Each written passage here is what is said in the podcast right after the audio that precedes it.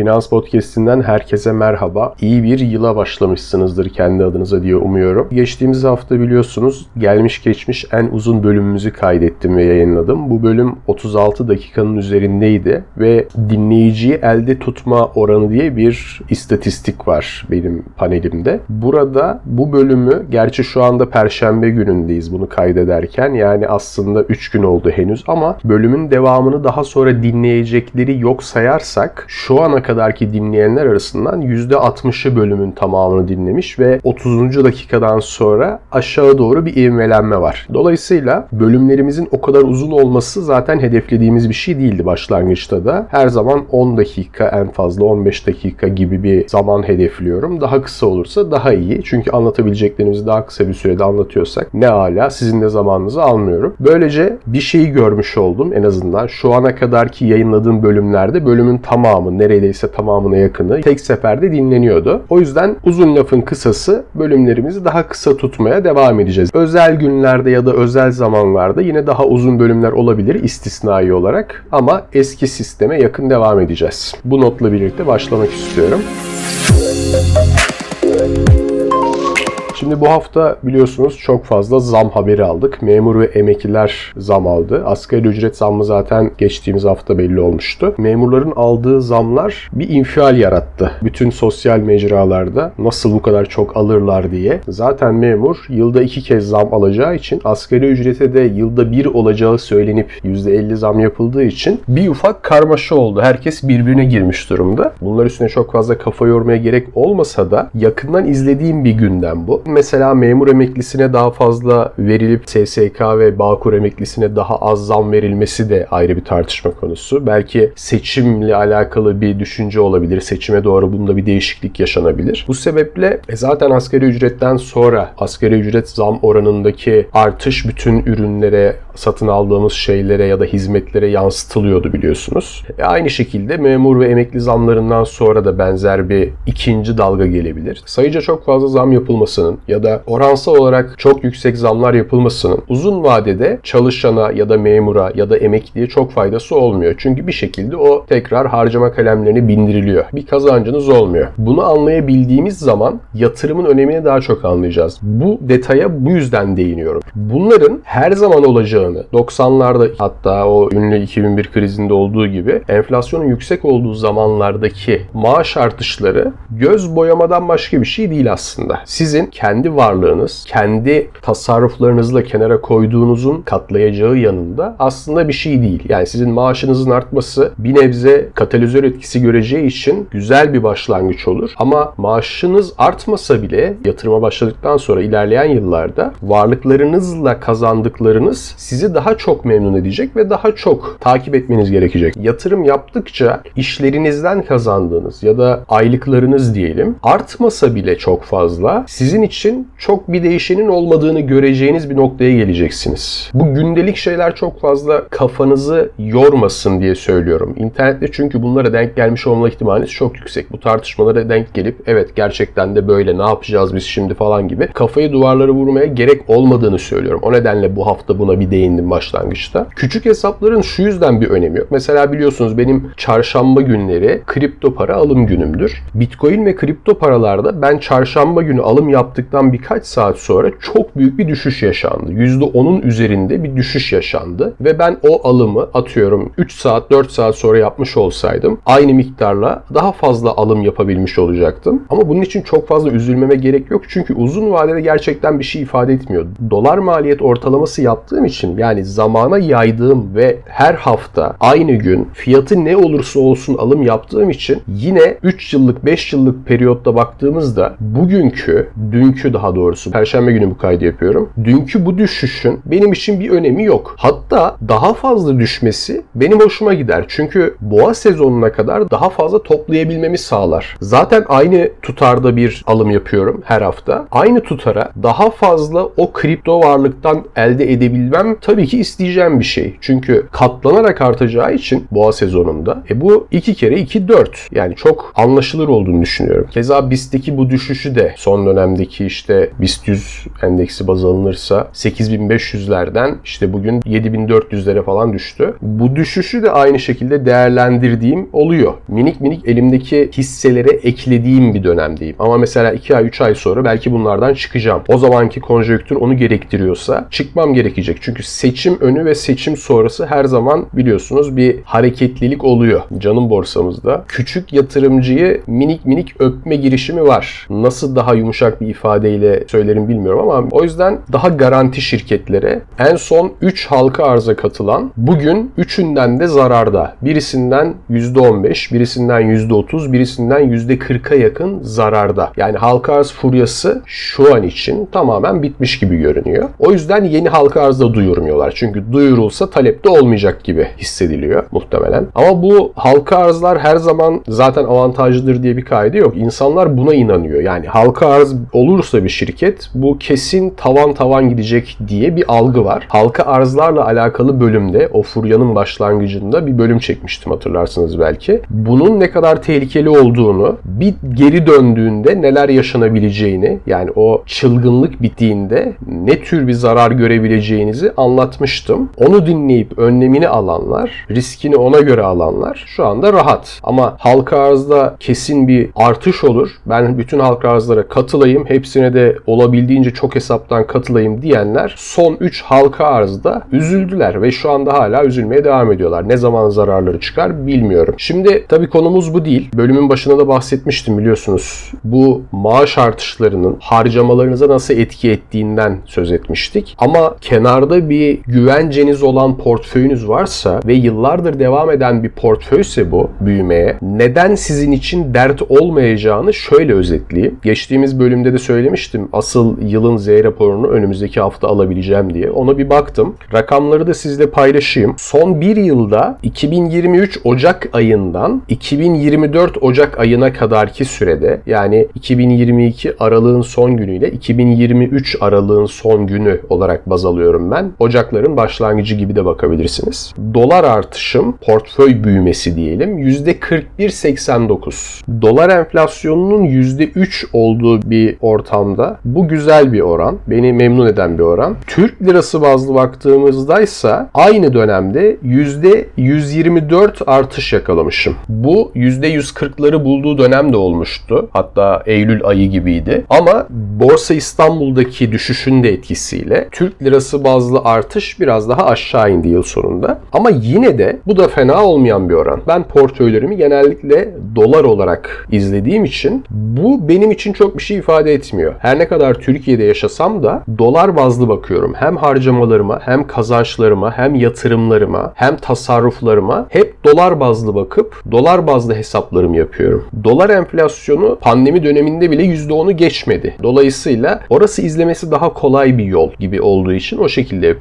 Burada da dolar enflasyonunu %38 küsür civarı yenmiş olduğunu görüyorum. Bu benim için bir başarı. Bir diğer deyişle şöyle de bir gerçek var. Ben şimdi ömrüm boyunca kazandığım işlerimden, yan gelirlerimden, pasif gelirlerimden bütün varlığımı ortaya koyarak, zamanımı ayırarak elde ettiğim kazançların tamamını üst üste koyduğunuzda 2023 yılının başlangıcına kadar sadece 2023 yılından 2024 yılına girene kadar son bir yılda bunun aşağı yukarı 255 günü borsa günüdür diye tahmin ediyorum. Hafta sonları ve tatilleri saymayın. 255 günde gelmiş geçmiş bütün kazançlarımı, iş hayatımı, geçmiş borsa kazançlarımı hepsini ikiye katlamış ve artırmışım. Bu size ne ifade ediyor bilmiyorum ama bana şunu ifade ediyor. Ben bugün artık herhangi bir şeye mecbur değilim. Borsa benim için çalışıyor. Diğer yatırımlarım benim için çalışıyor. Bu arada bu söylediğime gayrimenkul dahil değil. Karıştırmayalım. Gayrimenkul de absürt bir düzeyde arttığı için onu da dahil edip mi böyle diyor acaba diye düşünenler için şimdiden söyleyeyim. Gayrimenkul bunun içine dahil değil. Bunun içinde otomobil yok. Mevduat dahi yok. Yan gelirlerim dahi yok. Sadece borsanın artışından bahsediyorum. Sadece ikiye katlamakla yetinmeyip üstüne de koymuşum. Hal böyle olunca neden memurlara çok verildi? Neden emekliye az verildi? Neden asgari bu kadar oldu? Neden özel sektöre ikinci zam gelmeyecek? Bu gibi şeyleri dert etmemeyi öğrenmiş oluyorum. Bunu görünce diyorum ki hmm, demek ki benim için önemli olan yaptığım yatırımlar, nerelere yatırım yaptığım, nasıl çeşitlendirdiğim gibi şeyler benim için daha önemli hale geliyor. Kazancım her arttığında, kazancımın arttığı oranda harcamalarımı da artırsaydım eğer bu özgürlüğe ya da bu rahatlığa erişemezdim. Bu çok önemli bir nokta. Hatta bu podcast'in mottosu bu olabilir. Bu bölümü bunun için kaydediyorum. Finansal özgür olabilmek için kazancınız arttıysa kazancınızın arttığı oranda harcamalarınızın da artmaması çok önemli bir nokta. Eğer çok kötü bir koşulda yaşamıyorsanız önceki yaşadığınız standartları koruyarak belli bir oranda rahatlığa erişene kadar en azından lükse kaçmamalısınız. Gereksiz harcama yapmamalısınız. Ne de olsa param var deyip har vurup harman savurmamalısınız. Eğer geleceğinizi düşünüyorsanız, sadece bugünü düşünüyorsanız ve sadece bugün çok iyi yaşayayım, gelecekte önemli değil. Zaten yaşlı olacağım. Zaten bir ayağım çukurda olacak. Benim için çok önemli olmayacak. O zaman gezsem ne olur, tozsam ne olur? Şimdi hayatımı yaşayayım diye düşünüyorsanız eğer bugünden yiyin. Ama biz yatırımcı ve birikim yapan insanlar olarak bu podcast'in hedef kitlesi de bu insanlar. Eğer diğer düşünceye sahipseniz bu podcast'lerden çok fazla bir şey öğrenemeyeceksiniz zaten. Size çok hitap etmeyecek. Hatta canınızı sıkabilecek söylediklerim yer yer. O yüzden finansal özgür olmak istiyorsanız gerçekten mevcut standardınızı koruyarak katlıyoruz. Yani varlıklarımızı katlıyoruz, birikimlerimizi katlıyoruz, tasarruf ettiğimiz miktarı katlıyoruz. Maaşımız arttıkça ya da gelirimiz arttıkça kenara koyduğumuz tutarları artırıyoruz. Ama bir İskender yerken bir buçuk İskender gereksizse yemiyoruz mesela. Hani bu gibi şeylerden de bahsediyorum. Çok minimal ölçekte de hayatınıza bunu dahil etmeniz gerekecek. Bir buçuk İskender canınız çekiyorsa tabii ki bir tarafınız şişmesi yiyin ama bir buçuk İskender sadece sizin geliriniz arttığı için yenmesi gerekiyor gibi hissettiğinizden dolayı yenecekse onu yemeyin diyorum. Umarım anlatabilmişimdir. Bu önemli bir ayrım. Çok mühim bir nokta. Ben eskiden çok fazla harcardım. Açıkçası bu yatırımlara başlamadan önce her hafta sonu bir AVM'ye giderek kıyafet satın almadan rahat edemezdim. Öyle bir hastalığım vardı. Çok fazla harcardım. Lükse çok kaçmazdım. Nadiren lüksüm olurdu ama sadece lüks harcamalardan bahsetmiyorum. Lüks olmasa dahi her hafta bir şey satın almazsam o zaman ben niye çalışıyorum ve kazanıyorum gibi hissediyordum. İş hayatıma ilk atıldığım zamanlardan bahsediyorum. Her hafta mutlaka AVM'deki dükkanların kiralarına yardım ediyordum. Aslında bunun gereksiz bir şey olduğunu yatırıma başladığımda algılayabildim. Herhangi bir yatırım aracının %10, %15 arttığını gördüğümde çok sevindiğim zaman dedim ki ben bu %15'i zaten bu hafta sonu herhangi bir AVM'de herhangi bir mağazanın kirasına yardım ederek ya da çalışanlarının maaşlarına yardım ederek harcayacağım. Buna bu kadar niye seviniyorum ki dedikten sonra bir klik oldu. O noktada ben uyandım bu olaya. Sadece giyim kıyafet alışverişi değil dışarıda yeme içmede de gereksiz harcamalar yapıyordum. Bunların da önüne geçtim. Bunları zamanla tabii yaptım. Eğer sizin de bu tarz alışkanlıklarınız varsa bir an önce işe koyulmanız gerekiyor. Sizi bundan alıkoyanlar varsa o alıkoyanlarla oturup konuşmanız gerekiyor. Değişim gerekli. Değişimden çok korkuyoruz. Yatırım kararlarımızda değişiklik ıslak elle televizyon kumandasını tutarak kanal değiştirmek kadar rahatsız edici olabiliyor. O hissiyatı anlamışsınızdır. Ama o kanalın o anda değişmesi gerekiyorsa değiştirin. Göreceksiniz pozitif etkileri çok tatlı gelecek. Kendi portföyümdeki değişimden aldığım hazzı hiçbirisi veremiyor. Ne o kıyafetler, ne o yediğim içtiğim, ne o gezdiğim yerler hiçbir şey aynı hazzı veremiyor. E mezara mı götüreceksin? Hayır. Çalışamaz durumda ya da ek gelir yaratamaz durumda ya da bir acil durumda para gerektiği halde benim kenarda bir güvencem olduğunu bilmek hayatımı daha rahat yaşamamı sağlıyor. Bu da hepsine bedel bence. Geçmiş bölümlerde anlattığım şeyleri hayatınıza uygulamaya çalışın. Tasarruf çok önemli. Yatırım kararları alırken çeşitlendirme çok önemli. Dolar maliyet ortalaması dediğim şey çok önemli. Hepsiyle alakalı bunların bölüm çektim. Dinleyin dinlemediyseniz. Birikim yaparken hayatı kaçırıyormuşsunuz gibi hissetmeniz normal. Bu bazen gerekli. Böyle hissetmezseniz daha önce diyete girdiyseniz bilirsiniz. Bu şeye benzer. Aç hissediyorum. Yemem lazım diye düşünüyorsanız yaptığınız diyet işe yarıyor. Ya da spora gittiğinizde diyelim ki zayıflamak istiyorsunuz ya da sağlıklı bir yaşam için spor yapıyorsunuz. Spora başladığınızda kaslarınız yanıyorsa, bir şeye etki ediyorsa, vücudunuzda bir farklılık yaratıyorsa diyorsunuz ki evet demek ki o zaman işe yarıyor. Bu sporu yapmam işe yarıyor ya da bu diyeti yapmam işe yarıyor. Dedirtmek için hissetmeniz gerekiyor. Birikim yaparken de bazen hayatı kaçırıyormuşsunuz gibi hissetmeniz normal. Ama bu rahatlığa ulaşmak için de bu gerekli. İleride daha konforlu bir yaşam için yatırım hayatımızın birkaç yılı savurgan olmamamız gerekiyor aslında. Çok da zor olmasa gerek. Bunu birkaç yıl deneyin. Şimdi değilse ne zaman? Yani atıyorum bugün denemediniz.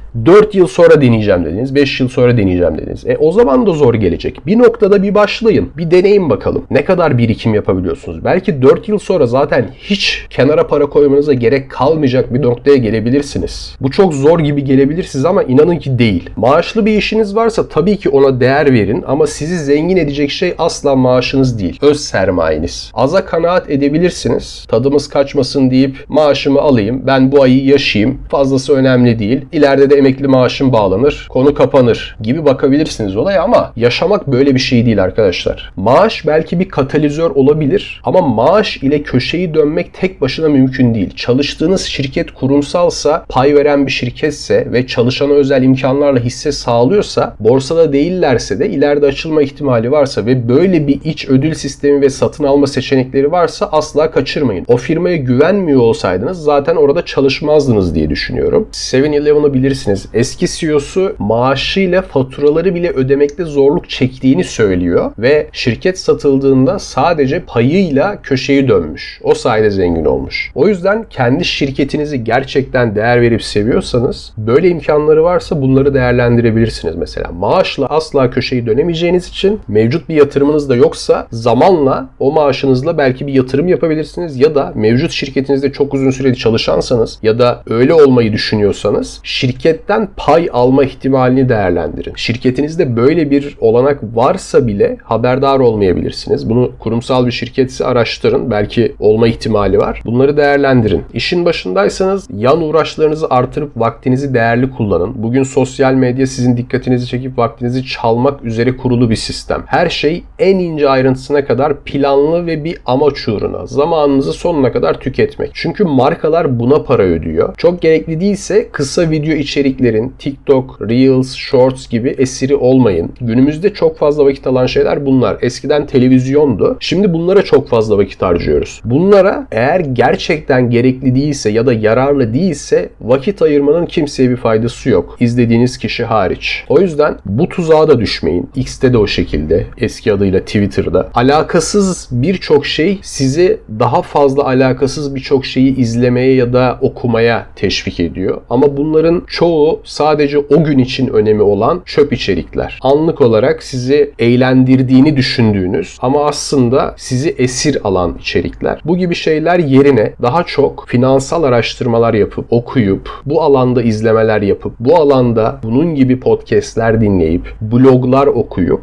aynı zamanın çok faydasını görebilirsiniz. Ama o zamanı herhangi bir sosyal ağda kaydırmaya ayırıyorsanız sonu iyi değil onu söyleyeyim. Borsada düşüşler çok dikkat çekiyor demiştik. Böyle düşüşlerde köklü sağlam şirketlerden toplamak mesela iyi bir başlangıç noktası olabilir. Hala başlamadıysanız. Başladıysanız da BIST 30'daki hisseleri veya borsa yatırım fonlarını toplamak için iyi fırsatlar olabilir bu zamanlar. En son aldığınız maaş ya da herhangi bir gelirinizden kenara koyabildiğiniz küçük miktarlarla 300-500 lirayla da yapılabiliyor bu yatırımlar. Kenara koyduğunuz bu parayla başlamadıysanız hiç bir başlayın, bir deneyin. BIST 30'dan hisse seçin ya da BIST 30'a endekslenmiş borsa yatırım fonları var. Onlardan adet adet alabilirsiniz mesela. Bununla alakalı ayrıntılı bir bölüm gelecek zaten ileride. Bir yerden başlayın. Hazır borsa düşüşteyken bunları yapmak çok daha mantıklı. Uzun vadeli birikim yapmayı hedefleyen bir yatırımcı adayıysanız ya da yatırımcıysanız bu gibi zamanlar iyi değerlendirilmesi gereken zamanlar. Ama ben bir ay sonra köşeyi dönmek istiyorum diyorsanız bu sizlik bir yatırım çeşidi değil. Onu da söyleyeyim. Boşuna yormayın kendinizi. Neden olmadı diye kafayı duvarlara vurmayın sonra ya da bana sormayın böyle demiştin diye. Hayır ben size yatırım tavsiyesi vermiyorum onu da söyleyeyim. Sadece toplamak için düşüş dönemleri bir fırsattır diyorum. Şahsen ben öyle yapıyorum. Kendi yaptığım şeyi söylüyorum. Siz böyle yapın diye demiyorum. Yine bölüm planladığımdan uzun bir yere gidiyor. O yüzden çok uzatmak istemiyorum. Şimdilik benden bu kadar. Şunu merak ediyorum. Önümüzdeki haftaya kadar son bir yılda ne kadar kenara para koydunuz, koyabildiniz ya da kaç aylık maaşınız kadar tasarruf edebildiniz? Portföyünüz varsa ne kadar büyütebildiniz? Bu gibi çok fazla detaya girmeden genel hatlarıyla sizin bu yılki finansal başarılarınız ya da başarısızlıklarınızla alakalı paylaşmak istedikleriniz olursa bana yazabilirsiniz. E-posta adresim ve sosyal medya hesaplarım açıklamadaki bağlantıda olacak. Önümüzdeki hafta görüşmek üzere. Saygılar.